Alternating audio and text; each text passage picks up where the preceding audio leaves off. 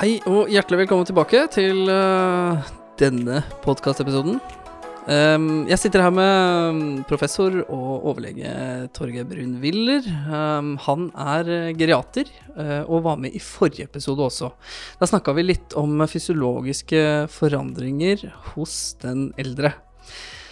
Um, vi var mye innom sykdomsbildene um, der også, på, på, disse pasientene. Men jeg tenker at nå skal vi gå litt mer um, Altså, dette er jo kjempe, et kjempestort tema. Altså, vi skal snakke om akutt syke geriatriske pasienten. Ja. ja. Kjempesvært. Ja. Åh, det kunne blitt en veldig, veldig lang podkast. Holde på i hele ja. Men jeg tror vi tar en, en fokus ja, på, på en måte, det vi er uh, veldig mye borti. Det blir jo funksjonssvikter. Ja. Um, og der vet jeg at du har mye fornuftig å si også. ja, funksjonssvikt er jo blitt en sånn derre uh, universalmerkelapp som brukes litt sånn i, i hytt og pine, syns jeg.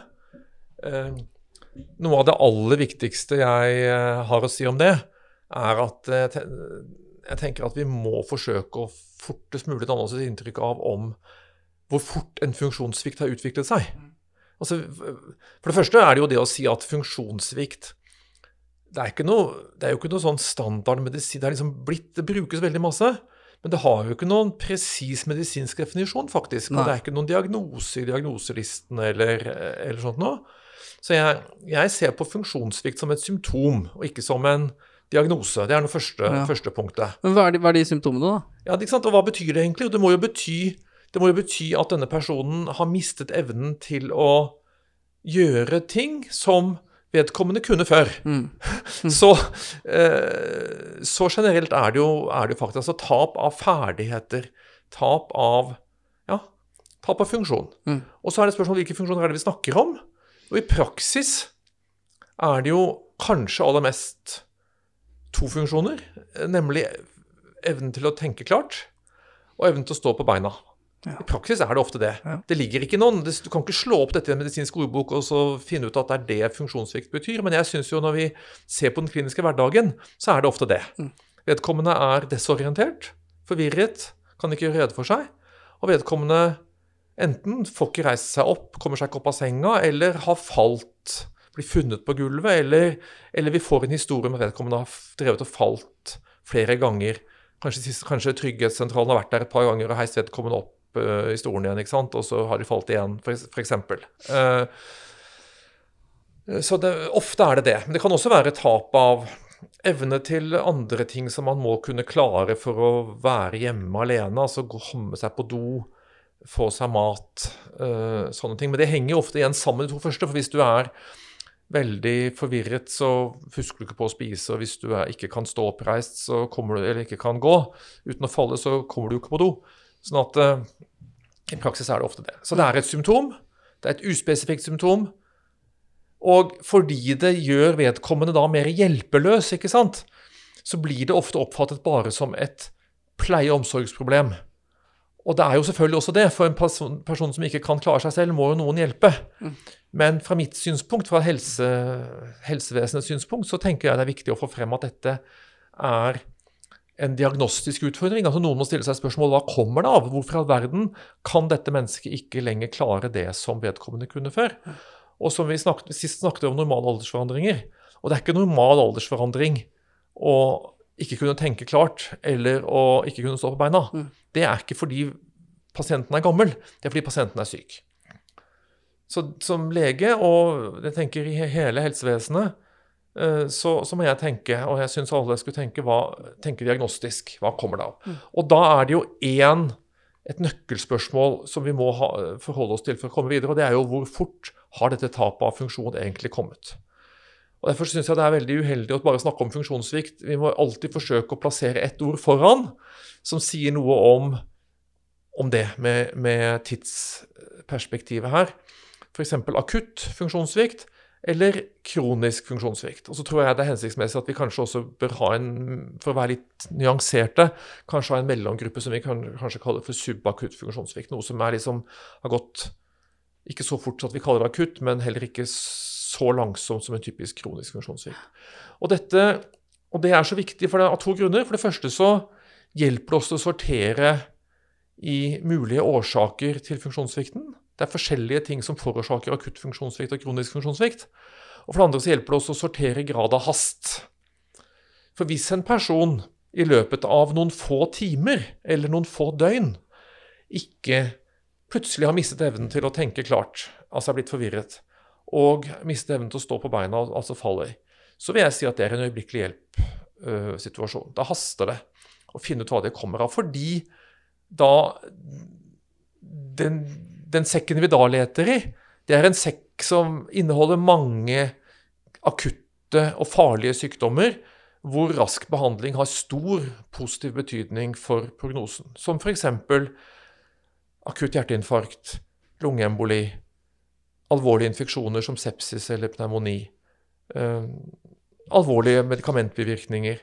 Mange, mange, veldig mange forskjellige ting, men veldig mye som er ganske akutt, og hvor rask behandling er veldig effektivt og veldig nyttig. Men da har vi det problemet at at det er ofte den akutte funksjonssvikten som er det mest tydelige eller øynefallende eller skremmende symptomet. Så det er det som på en måte meldes inn. Og det er det, pasienten, det er det vi ser. For disse pasientene får jo ofte i mindre grad det vi ellers liksom regner som typiske symptomer på disse sykdommene. Altså de kan of, slett ikke alltid, men det er oftere med disse pasientene, de gamle, slik at de ikke nødvendigvis får vondt i brystet når det er hjerteinfarkt, ikke nødvendigvis får dyspné når det er lungeemboli, ikke nødvendigvis får feber når de har en alvorlig infeksjon, osv. Så sånn. Slik at det er denne funksjonssvikten som er det som får omgivelsene til å reagere og slå alarm. Men da er det jo så veldig vanskeligere for folk som ikke kan dette, å skjønne at det faktisk kan ligge noe alvorlig bak. ikke sant? Eh, det betyr at for den pasientgruppen er det å legges inn på sykehus ofte veldig adekvat og veldig nyttig, fordi da har man jo mulighet til å få stilt raske diagnoser, og man har jo god tilgang på diagnostiske hjelpemidler som røntgen og CT og blodprøver hele døgnet og ultralyd og hva, måtte, hva, som måtte være nyttig for å sortere ut årsaken til den akutte Da snakker vi om den akutte funksjonssvikten. Det bruker jeg om, om tap av ferdigheter som har strukket seg over toppen noen dager, kanskje, kanskje av og til opptil en uke, liksom, noe sånn rundt der. Og så andre enden av spekteret, den kroniske, da tenker jeg på pasienter som over måneder har mistet evnen til å gjøre akkurat de samme tingene. Mistet evnen til å tenke klart. Mistet evnen til å stå på beina sine og, og har en kronisk falltendens, f.eks. Da tenker jeg da skal vi også spørre hvorfor. Hva kommer dette av? Dette er også et symptom. Men for det første så haster det mindre. Disse pasientene skal man skal helst slippe å bli lagt inn. De skal helst få utredet sin funksjonssvikt uten innleggelse. Da blir det en oppgave for fastlegen og for uh, kommunehelsetjenesten. Og hvis årsaken til funksjonssvikt ikke lar seg snu, så må selvfølgelig også omsorgsnivået trappes opp, så det står i forhold til pasienten, hva pasienten har for behov. ikke sant? Hvis disse pasientene legges inn, så er det jo ofte fordi det siste har sviktet, fordi man ikke har trappet opp omsorgsbehovet adekvat, slik at de legges inn fordi nettverket bryter sammen, eller øh, eh, svigersønnen kommer hjem fra utenbys og setter foten i bakken og sier at dette går ikke lenger, nå Nei. må noe skje. ikke sant? Og så havner pasienten på sykehuset klokken, klokken eh, ni om kvelden på lørdag. Og da, og, og da, er det kanskje fordi noen rett og slett ikke har gjort jobben sin på fredag, uh, tenker jeg da. Men det, for, for da, hvis det forverrer seg sånn langsomt med tiden, så vet man jo at det sannsynligvis vil komme til å bli enda verre. At man må på en måte prøve å være føre var. Men årsaken til, til sånn kronisk langsom funksjonssvikt er jo Kan det være demens? Veldig ofte er det jo det, da. Pasient, hvis pasienten kognitivt uh, fallerer langsomt over tid, så er det jo som regel en demenssykdom som ligger bak. Men demens oppstår ikke over natta, så demens fører ikke til akutt funksjonssvikt. Altså Demens kan ligge under og føre til at pasienten får lettere akutt funksjonssvikt når noe skjer. Men det er ikke demensen i seg selv som gir akutt funksjonssvikt, men demensen kan absolutt gi en kronisk funksjonssvikt. Det kan være andre hjernesykdommer, sånn som parkinson eller, sånt. Men det kan også være andre kronisk alvorlige sykdommer. altså Pasienter med veldig alvorlig kols, veldig alvorlig hjertesvikt, har jo av og til sånt bilde med en, en nokså kronisk funksjonssvikt fordi de, de har altså f.eks. dyspneen er så uttalt hele tiden, og man klarer ikke å få dem bedre. Så de går og har et De spiser dårlig, de orker ikke å få mat i seg, for de blir tungpustne av å spise. De magrer av, og da faller de jo mer eh, fordi musklene blir borte, de er inaktive. Så det er eh, mange forskjellige kronisk alvorlige sykdommer som kan gi kronisk funksjonssvikt. Men de har det til felles at vi har tid på oss til å utrede, tid på oss å finne årsaken, tid på oss til å forsøke å optimalisere så godt vi kan. Det som er den hjertesvikten godt nok behandlet? Har pasienten for lite medisiner, så pasienten går og har tungpust som ikke de behøvde å ha? Eller har de kanskje for mye medisiner, slik at de har bivirkninger på toppen av det hele? Det kan jo være vanskelig nok, men det er ikke øyeblikkelig hjelp. Så, så bare si at det var funksjonssvikt, liksom, uten å, uten å og, og, når du står der med pasienten, og pasienten ligger på gulvet og ikke kan fortelle hva som har skjedd, så kan du jo ikke Hvis du f.eks. er ambulansearbeider, så kan du jo ikke vite eh, da, om, det, om, om, pasienten har drevet Om dette er det ørtende fallet det siste halve året, Nei. eller om det er det første. Ja. Hvis det er det første fallet, ja. og den første episoden av forvirring, så har pasienten sannsynligvis en akutt funksjonssvikt. Ja. Og hvis det har skjedd mange mange, mange ganger, og egentlig så funker ikke dette hjemme, så har pasienten sannsynligvis en kronisk funksjonssvikt. Men det å få greie på det og Ofte vil jo pasienten ikke kunne fortelle det selv. da, Hvis pasienten har kognitiv svikt, enten, enten en akutt kognitiv svikt, som også er det vi kaller et delirium, eller en kronisk kognitiv svikt, som er en demens, så er det jo som regel ikke, så får du ikke noe særlig meningsfullt svar hvis du spør pasienten hvor lenge har du husket så dårlig som du gjør nå. Det kan ikke svare på. Så vi er veldig avhengig av vi er helt avhengig av å få kontakt med noen som kjenner pasienten over tid. Da, enten en pårørende eller en hjemmesykepleier ja. eller noen som kan si noe om i hvilken grad dette er annerledes enn det, enn det pleier å være. Og, og, og, så med en gang vi vet det, så kan vi klassifisere denne funksjonssvikten eh, på, en mye, på en mye mer nyttig og, og ja, på en nyttig måte ja. i forhold til det med, med, hvor fort den har kommet. Mm. Så grav og vær litt detektiv i um, hva som Altså hva skiller mellom akutt funksjonssvikt mm. og subakutt, ikke sånn som du snakker om? Eller, ja, eller kronisk. Ja, altså jeg, eh, jeg pleier å si, det er veldig sånn røffelig, jeg pleier å si at akutt funksjonssvikt syns jeg vi kan reservere til de som i hvert fall ikke Hvor tap av funksjon i hvert fall ikke har gått over mer enn en ukes tid. Nei. Og så syns jeg vi skal bruke kronisk funksjonssvikt om de som vi, der vi klarer å etterspore at det har kanskje tatt minst et halvt års tid. Altså at funksjonen har tapt seg gradvis over minst et halvt års tid. Ofte enda, ved demens er det jo ofte enda lenger. Men det må jo bety at det må jo være en mellomgruppe. Mm. De som har gått fortere enn uh, et halvt år, men allikevel langsommere enn en uke. Mm. Og de kaller jeg der for subakutt. Ja. Og de subakutte det, det er en litt annen gruppe av sykdommer som Det er en litt annen sekk, en sånn tredje sekk vi kan lete i der. Og de har også det, også det at de, de, skal også egentlig slippe å bli innlagt hvis man kan klare å finne årsaken til den subakutte funksjonssvikten litt raskt. Så slipper de, hvis det er noe som kan stoppes, hvis det f.eks. er en anemi eller en hypotyreose, altså lavstoffskifte, eller en depresjon, eller eh, det kan være en kreftsykdom, Altså Hvis man får stilt en diagnose og gitt behandling eh, før pasienten blir så dårlig at innleggelse blir eneste mulighet, mm. så er jo det en stor gevinst for de pasientene. Men da må, da må, de som er omkring pasienten, reagere litt kjapt. fordi da har man ikke så god tid på seg som ved de kroniske. De som har holdt på i over et halvt år og taper funksjon. Det, da går det langsomt. Da har vi litt bedre tid. Så, det, så akutt innleggelse ofte. Subakutt, rask utredning. Primærlegen har en nøkkelrolle, men det forutsetter at primærlegen får vite om det. Primærlegen skal ikke bebreides for ikke å ha gjort noe med det hvis primærlegen ikke har fått noen signaler. Kronisk funksjonssvikt, også primærlegens og kommunens oppgave, eh, men man har litt bedre tid på seg. Ja. Mm. Hvis vi går tilbake til Unnskyld. Går tilbake til de akutte ja. funksjonssviktene. Mm. Eh, hvilke pasientgrupper er det du ser kommer flest ganger inn til deg? Uh, ja, det er jo altså, jo, jo, eldre man er, ja. men særlig jo skrøpeligere man er. Nå mm. snakker vi litt om skrøpelighet i, i forrige episode. Og, og, med skrøpelighet mener jeg en tilstand av reduserte fysiologiske reserver.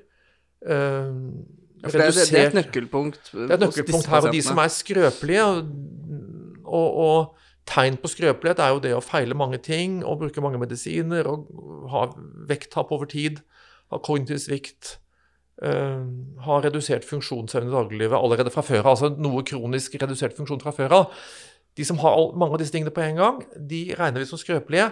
Og det er også de som har størst tilbøyelighet til å få symptomer mer av typen funksjonssvikt når de får en akutt sykdom på toppen av alt det andre. Altså når de får f.eks. en infeksjon, da. Eller, eller et traume, lårhalsbrudd. Ja. uh, andre, uh, andre traumer. Eller blir operert. eh, operasjon er jo sånn sett i seg selv et traume.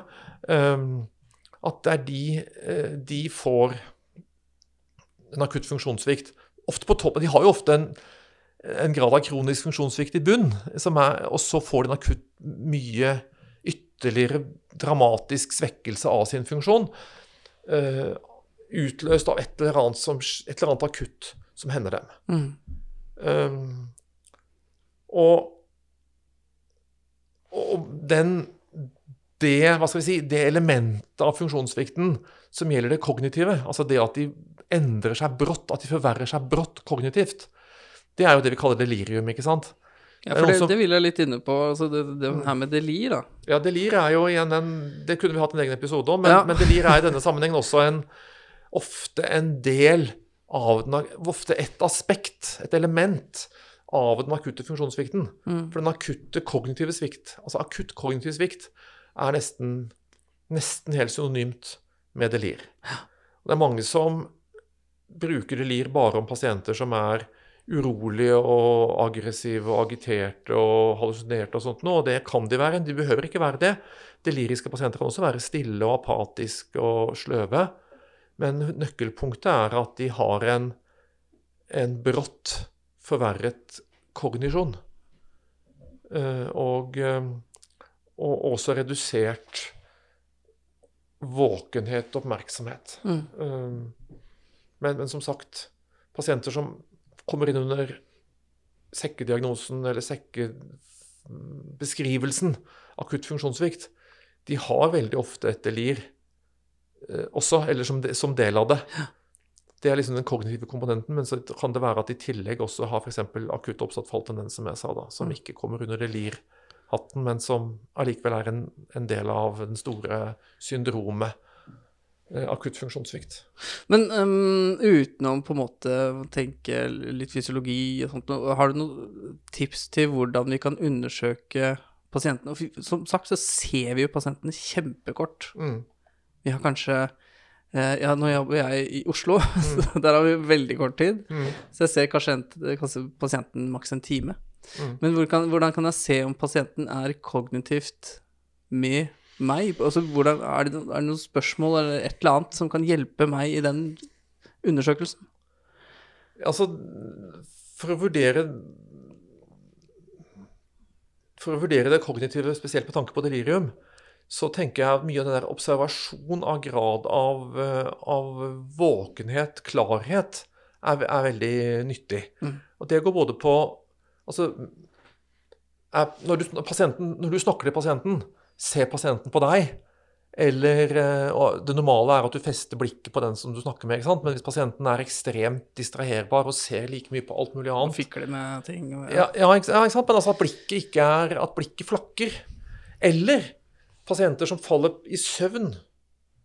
Altså Å sovne mens man prater sjøl. ja. Altså sovne mens man forsøker å, å få sagt noe. Fordi pasienten er hjemme, og ambulansen kommer. De fleste er jo, vil jo være rimelig oppspilt, ikke sant? Og være antagelig veldig motivert for å forsøke å fortelle ambulansearbeideren hva som har skjedd og sånn.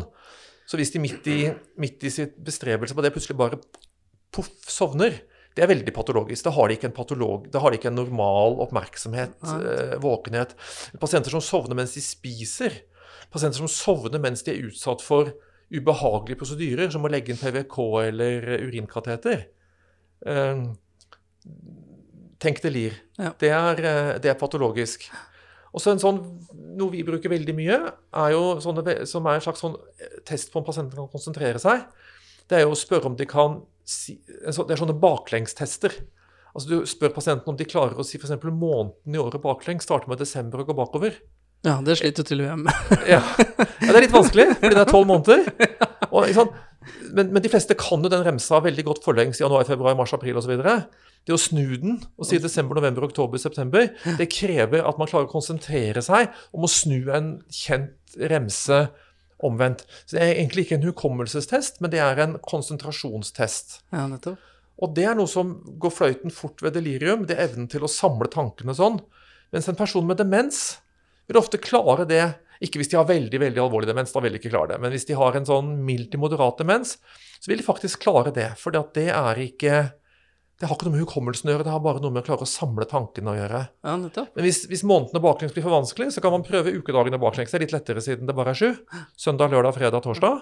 Skal jeg prøve. Og hvis det også blir for vanskelig, så kan man prøve om de klarer å telle baklengs fra 20. For det er enda lettere. Ja. 20, 19, 18, 17, 16 osv. ikke sant? Det skal man klare. Og det klarer også folk som har demens. De, hvis, hvis ikke den er kjempealvorlig demens, så klarer de faktisk det. For det har, bare, det har bare, å gjøre med å klare å, å, å, samle tankene. Mens personer med delirium de har, de har, et akutt kaos. De klarer ikke å konsentrere seg. De har ikke normal oppmerksomhet, de klarer ikke å samle tankene. Så de klarer ikke den typen oppgaver. Mm. Det, og det er jo veldig fort gjort, ikke sant? Eh, ofte, jeg pleier ofte å liksom tøyse litt, så ikke de skal tro jeg er blitt helt sprø. Men jeg sier nå skal jeg, nå skal jeg stille deg et rart spørsmål. Du kan sikkert ukedagene etter hverandre, ikke sant? mandag, tirsdag osv. Og, så sier de jo, mandag, tirsdag, onsdag, torsdag, lørdag, søndag. Det, selvfølgelig kan jeg det. Og så sier jeg ok, men nå kommer den rare oppgaven. Klarer du å si det motsatt vei? Starte med søndag og gå bakover. Og så sier de søndag, lørdag Fredag, lørdag, søndag kanskje, f.eks. Altså, da har de liksom mistet tråden, og så de, klarer de ikke å fortsette baklengs, men de bare snur og, og går den veien de er vant til, f.eks. Eller, eller at de hopper over, og det blir bare tull. Ja. Eh, det skal man ikke bortforklare med at ja, men han er jo dement. For det, demens forklarer egentlig ikke det. Nei, det er mye mer sannsynlig at vedkommende har delir, altså. Så, så, så kan de være sånn motorisk urolig og plukkete, og noen er, har litt hallusinasjoner og tror at mønsteret på sengetøyet er små dyr og prøver å plukke vekk og sånt noe. Eh, men det behøver ikke være sånn. Uh, og det har jeg sett på, på på sepsis uh, mm. flere ganger. At hun begynner å plukke og, og ja, ser utviklingen. Det er ganske vanlig, det også. Ja. Og, og, og, det kan de eh, Ja da, mange, mange, har det, men det er ikke Det behøver ikke være til stede. altså Man kan godt ha delirium uten å ha det. Og så er det det Så, så det skjer både en, en overdiagnostikk og underdiagnostikk av delirium. Vi overser disse her som ikke er motorisk urolige, og som bare ligger helt stille og er sløve. Der de får ikke stilt deliriumdiagnosen selv om de har det. Og så overdiagnostiserer vi for en del som er rebelske og ville og sinte og, og slår og spytter og klorer, som får diagnosen delirium, men som kanskje egentlig ikke har delirium, som kanskje egentlig bare har ikke bare da, men altså har demens med alvorlige atferdssymptomer som del av demensen sin. Mm. Um, og da trenger vi ikke å være noe delirium som, som ligger bak. Det er bare at pasienten har en veldig alvorlig demens og mm. har uh, ja. Så, så det, skjer en, det, skjer en, overdiagnostikk av delirium hos personer som er urolige, agiterte og aggressive. Og så skjer det en underdiagnostikk av delirium hos pasienter som er sløve og apatiske. Mm. Det har jeg litt lyst til å, å spørre deg om, for vi har, vi har jo snakka i forrige, forrige, episode om de fysiologiske forandringene. Mm. Um, og vi vet jo at uh, disse pasientene de har dårligere reservekapasitet mm. i organene sine. Mm. Um, tenkte vi kunne snakke litt om de vanligste Kanskje de vanligste tingene vi har borte, da, med, med sepsis. Hva er det som altså, Hvordan reagerer disse pasientene på altså tidlig, tidlig sepsis, og, og hvordan klarer de å kompensere? Ja, uh, igjen, som vi var litt innom i forrige episode også, det er Disse pasientene får jo dessverre ofte mindre av det vi liksom regner som typiske symptomer. slik at f.eks. ved alvorlige infeksjoner da, så er det ikke så helt sjelden at disse pasientene her ikke har feber. Eh, de kan selvfølgelig ha det, men hvis pasientene har feber, så er det mye lettere å tenke infeksjon. ikke sant? Mm. Men hvis ikke de har feber, så blir det vanskeligere å skjønne at det kanskje er en infeksjon som er, som er årsaken. Men at de kanskje heller at symptomet heller kommer fra det organsystemet som har minst reserve. Vi snakket mye i forrige episode om dette med fysiologisk reservekapasitet. Så at hvis pasienten fra før av f.eks. har alvorlig kols, da, så kanskje de først og fremst eh, virker som en kolsforverring, at de, at de blir mer tungpustende. Hvis de har en begynnende demens, en kanskje mild demens, kanskje ikke har fått en demensdiagnose enda, men begynner å få kognitiv så er det det som skjer, at de blir, får det lir, da. Mm. Um, så symptomet kommer mer fra der hvor reservene er minst. Men da er det jo viktig å bruke det vi, det vi har, ikke sant? Altså eh, f.eks. fysiologiske eh, målinger. Metning, takke pne. Eh, det heter jo 'du puster for fort', ikke sant? Ja. Det, det at, det at takk er et sensitivt, viktig, viktig tegn, som av og til overses. Pasienten puster fort uten å, uten å se fryktelig dyspneisk ut eller klage over at eh, de er tungpustende, men du bare ser det hvis du teller, eller så, så, så er det et sånn tidlig, tidlig varsku. Det er minst like viktig hos de her pasientene, nettopp fordi de ikke forteller så spesifikt om, om symptomene sine. Ja. Så, så news, eh, disse news-tingene um, Kombinert med akkurat dette med, med mentale endringer og, og den nye, den nye sepsisscreeningen St. Q-sofa, så er jo bare tre ting, hvorav én er mental endring. Så det betyr at pasienter som har det, er er deliriske eller har det minste endring av sin som er annerledes enn de pleier å være kognitivt, de har jo allerede én Q-sofa et Q-sofa-kriterium oppfylt. Men det igjen da understreker betydningen av dette med å få greie på noen som kjenner pasienten. da. For at hvis du bare har en forvirret pasient, så vet ikke pasienten selv om han eller hun er mer forvirret nå enn en det han eller hun alltid er. Så for å få greie på om det ene Q-sofa-kriteriet er oppfylt, så må du faktisk spørre noen som kjenner pasienten, mm. om det.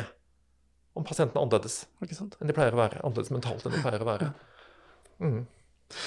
Um, vi har jo Vi vet jo uh, at uh, disse pasientene blir uh, undertriasjert på, på traume. Ofte. Ja. Mm. Kanskje Um, nettopp fordi at det Ja, symptomene er ikke så tydelige. Eh, Det gjemmer seg eh, altså eh, Symptomer på et traume kan liksom skjule seg litt i all, alt det de feil, alle de kroniske sykdommene deres og, og sånn. ja. Ja, medisinbruk og Medisinbruk. Og, og man tenker ikke på at, at de kan være alvorlig skadet fordi det har ikke vært noe høyenergitraume. De kan ha falt bare på egen høyde. Men hvis de har sporose f.eks., så kan jo det kan man jo få brudd av av traume ganske mye mindre energi, da. mm. Mm. Ser du mange pasienter som har hatt, fått forlenga behandling pga. enten fall eller altså pga. en traume? Fordi de har kommet på feil sted? Ja, og det ikke bare traume, men for så vidt også akutt sykdom, da. Ja. At, at en akutt funksjonssvikt feiltolkes som bare et, bare et altså feiltolkes som kronisk. Og man tror det er et tegn på for dårlig omsorg. Og så kommer pasienter for på det som i Oslo heter KAD, det har litt forskjellige navn rundt i landet. Kommunal øyeblikkelig hjelp, kommunal akutt døgnenhet heter det i Oslo. Eh, som selvfølgelig har Det er laget for at det skal være billigere, så de har naturligvis mindre diagnostisk apparatur og utstyr, og ikke minst mindre bemanning enn sykehuset. Slik at det er farlig å komme på KAD hvis man er akutt syk og feiler noe som sykehusbehandling er viktig og nyttig. Mm. Og det syns jeg vi ser ganske ofte pasienter som har kommet på KAD, og så er de der et halvt døgn, ett døgn, og så oppdager man at det var faktisk noe mer alvorlig, og så blir de flyttet. Og da, da får de en flytting ekstra, som i seg selv er en belastning, men det viktigste er jo at da blir det en forsinkelse av, eh, av korrekt diagnose. Mm. Eh, Men det gjelder som sagt ikke bare for traumer, men det gjelder også for, eh, for akutt sykdom. Akutt sykdom, Mm. ja. Men, men, men også at pasienter som har, har falt og fått et brudd, at det tar tid før man skjønner De klager ikke over smerter spesifikt der hvor bruddet er, fordi, igjen fordi de er blitt så forvirret. Det ser vi av og til. Mm. Eh, Det er jo I Drammen har de jo startet noe som er kjempespennende, noe de kaller for Silver Team, som er et sånt eh, litt forenklet, men allikevel veldig strukturert teammottak av gamle som har falt, selv om de eh, tilsynelatende er, er minimale fall. Hvor det, som rett og slett handler om at man er i mottak får mye mer- raskere avklart hvem som, har, hvem som har alvorlig traume, og ikke minst hvem som har alvorlig sykdom som årsak til at de f.eks. falt. da. Og Det, det syns jeg virker veldig bra og, og, og kjempespennende. Og også gir raskere avklaring i mottak. Og, og pasientene blir liggende blir ikke liggende så lenge og vente heller. De får fortere funnet ut hva det er, og hvor de skal videre. Og noen av dem kan sikkert ut igjen. Noen av dem kan jo fort avklares og komme ut da, kanskje til CAD hvis de har Kanskje de har en kronisk funksjonssvikt, og dette her er det tiende fallet på kort tid. Så, så er det kanskje mer snakk om å trappe opp omsorgen, og de trenger ikke sykehuset. Mens andre har enten skadet seg, eller har en akutt sykdom eller en subakutt sykdom som kan korrigeres, og som, sykehuset er nyttig. Og så skal fort videre til Kanskje ikke til ortopeden hvis de ikke har brukt noe, men kanskje til medisin, f.eks. Ja. De har medisinsk årsak til dette. Det er jo et kjempetilbud. Mm. Ja. Ja. Jeg tror det er en god idé. Jeg tror flere sykehus kommer til å lage noe lignende etter hvert. Mm. Mm. Og det er spennende. Det må vi nesten finne ut mer, mer av. Ja. Um, skal vi se Jo, eh, det jeg tenkte um, Altså, vi er jo hjemme hos pasientene. Ellers er vi på sykehjem. Ehm, ehm, men ofte så kommer vi hjem til pasientene som kanskje ikke har noe særlig hjelp, har ikke nok hjelp, har falt hjemme, Mm. klarer seg ikke så godt sjøl, egentlig. Hvor er veien å gå videre med det for våres del? Hvor skal vi, kan, vi, kan vi melde det noen steder? Skjer det hvis jeg skriver noe i journalen, og du eller sykepleier leser det, og så skjer det, skjer det noe? Ja, det er et uh, kjempegodt spørsmål som jeg ikke, ikke vet om jeg har noe godt svar på. Vi, hvis vi ser av ambulansejournalen at det rapporteres at det, det ser ut som ikke det går altså liksom Det er veldig Det er skittent og rotete og fullt av gammel oppvask på kjøkkenet. Ja. Og det ser ut som vedkommende eh, og, og kanskje urinsøl i møblene, og liksom det ser ut som dette går dårlig. Så, så vil nok vi Jeg kan ikke garantere at vi alltid oppdager at det står det i ambulansejournalen, men jeg tror vi ofte oppdager at det står det, og, og tar det med videre i krisen. Mm.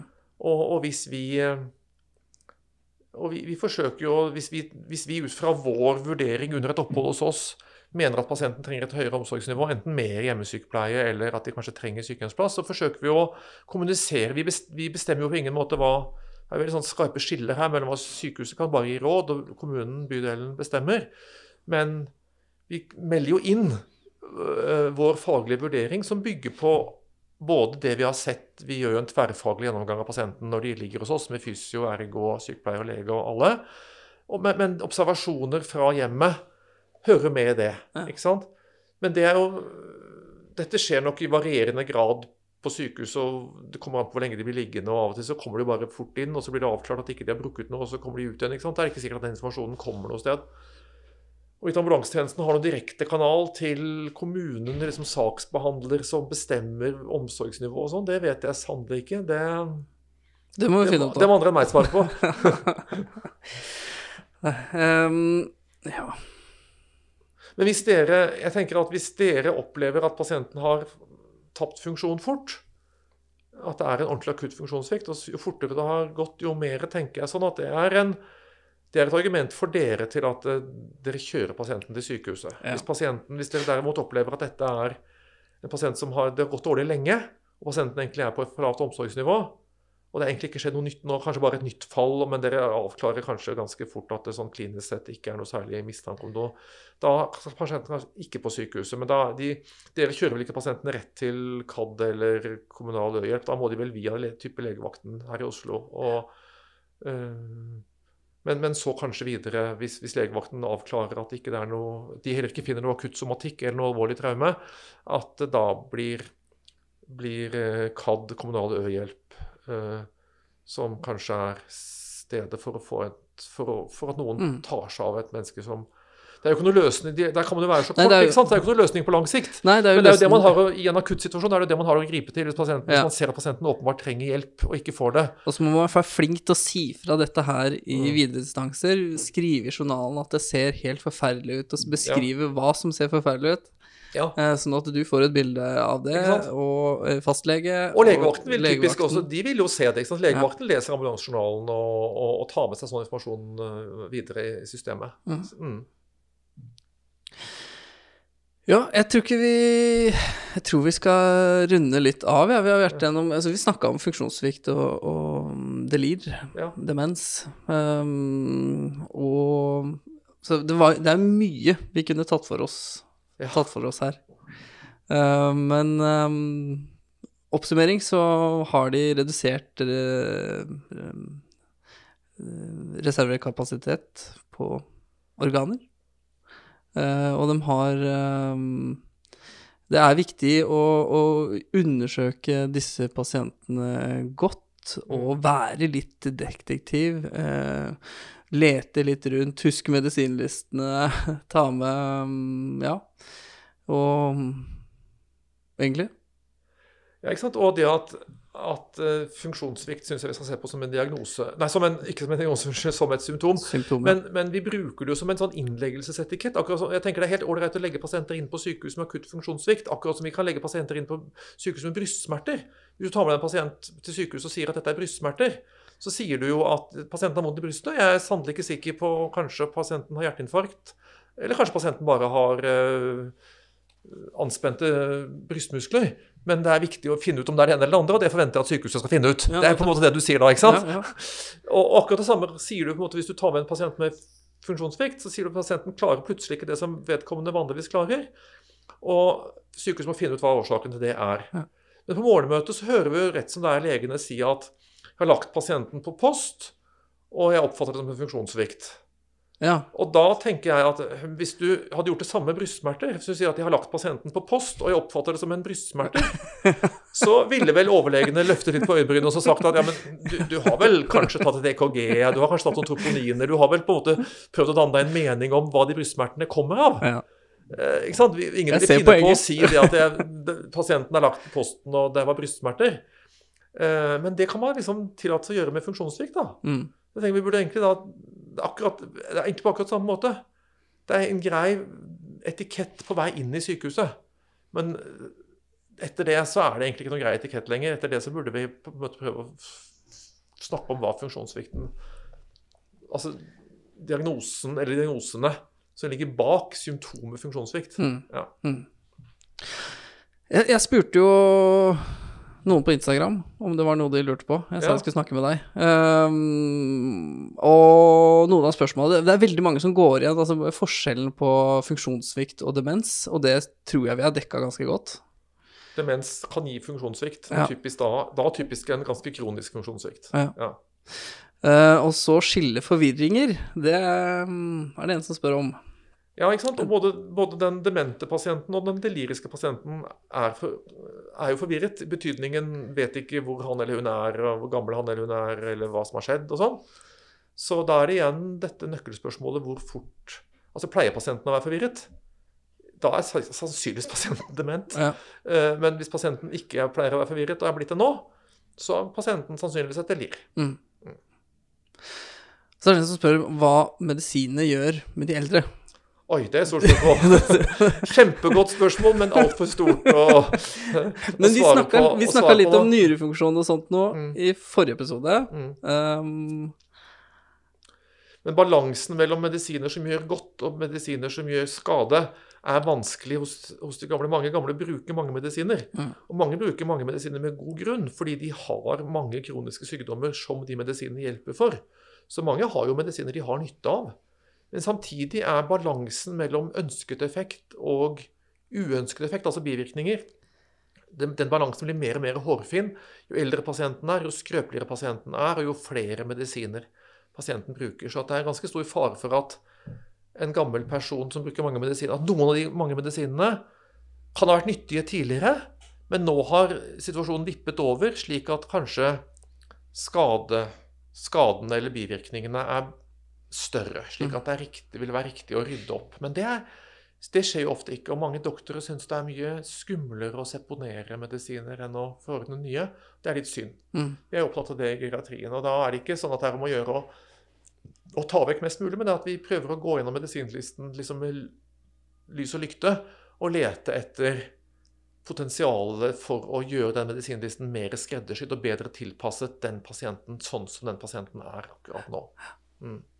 Ja, det er vanskelig. Og når det gjelder våre medisiner, altså når vi skal medisinere disse pasientene, så Ja. er det greit å tenke, tenke litt rundt. Altså spørre, spørre ut har du alvorlig nyresvikt. Ja. Er, altså, er du en dialysepasient, så kanskje du skal ta noen telefoner og tenke, Ja. tenke deg litt grann om, da.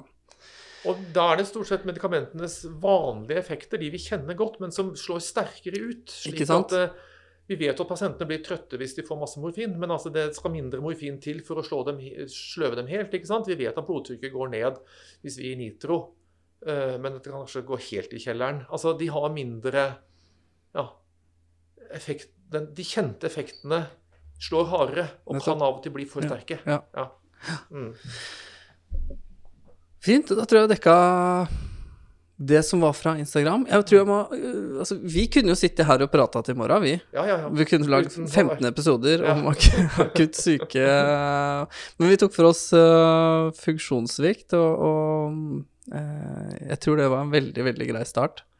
Håper det er nyttig. da. Jeg, jeg snakker fælt, jeg. Når jeg først blir spurt om ting jeg er redd for, så kommer det jo trillende. Så jeg håper folk har- ikke er helt uh, kjørt i senk, da. Ja, ja. Men uh, jeg syns dette er viktig, jeg syns det er morsomt å snakke om. Jeg syns det er hyggelig å snakke med folk som eh, er interessert i det samme. Og dere ser veldig mange av de samme pasientene som oss, bare i en helt annen fase av sykdommen og et helt annet sted. Mm. Så det er viktig å snakke om og dele erfaringer. Mm. Mm.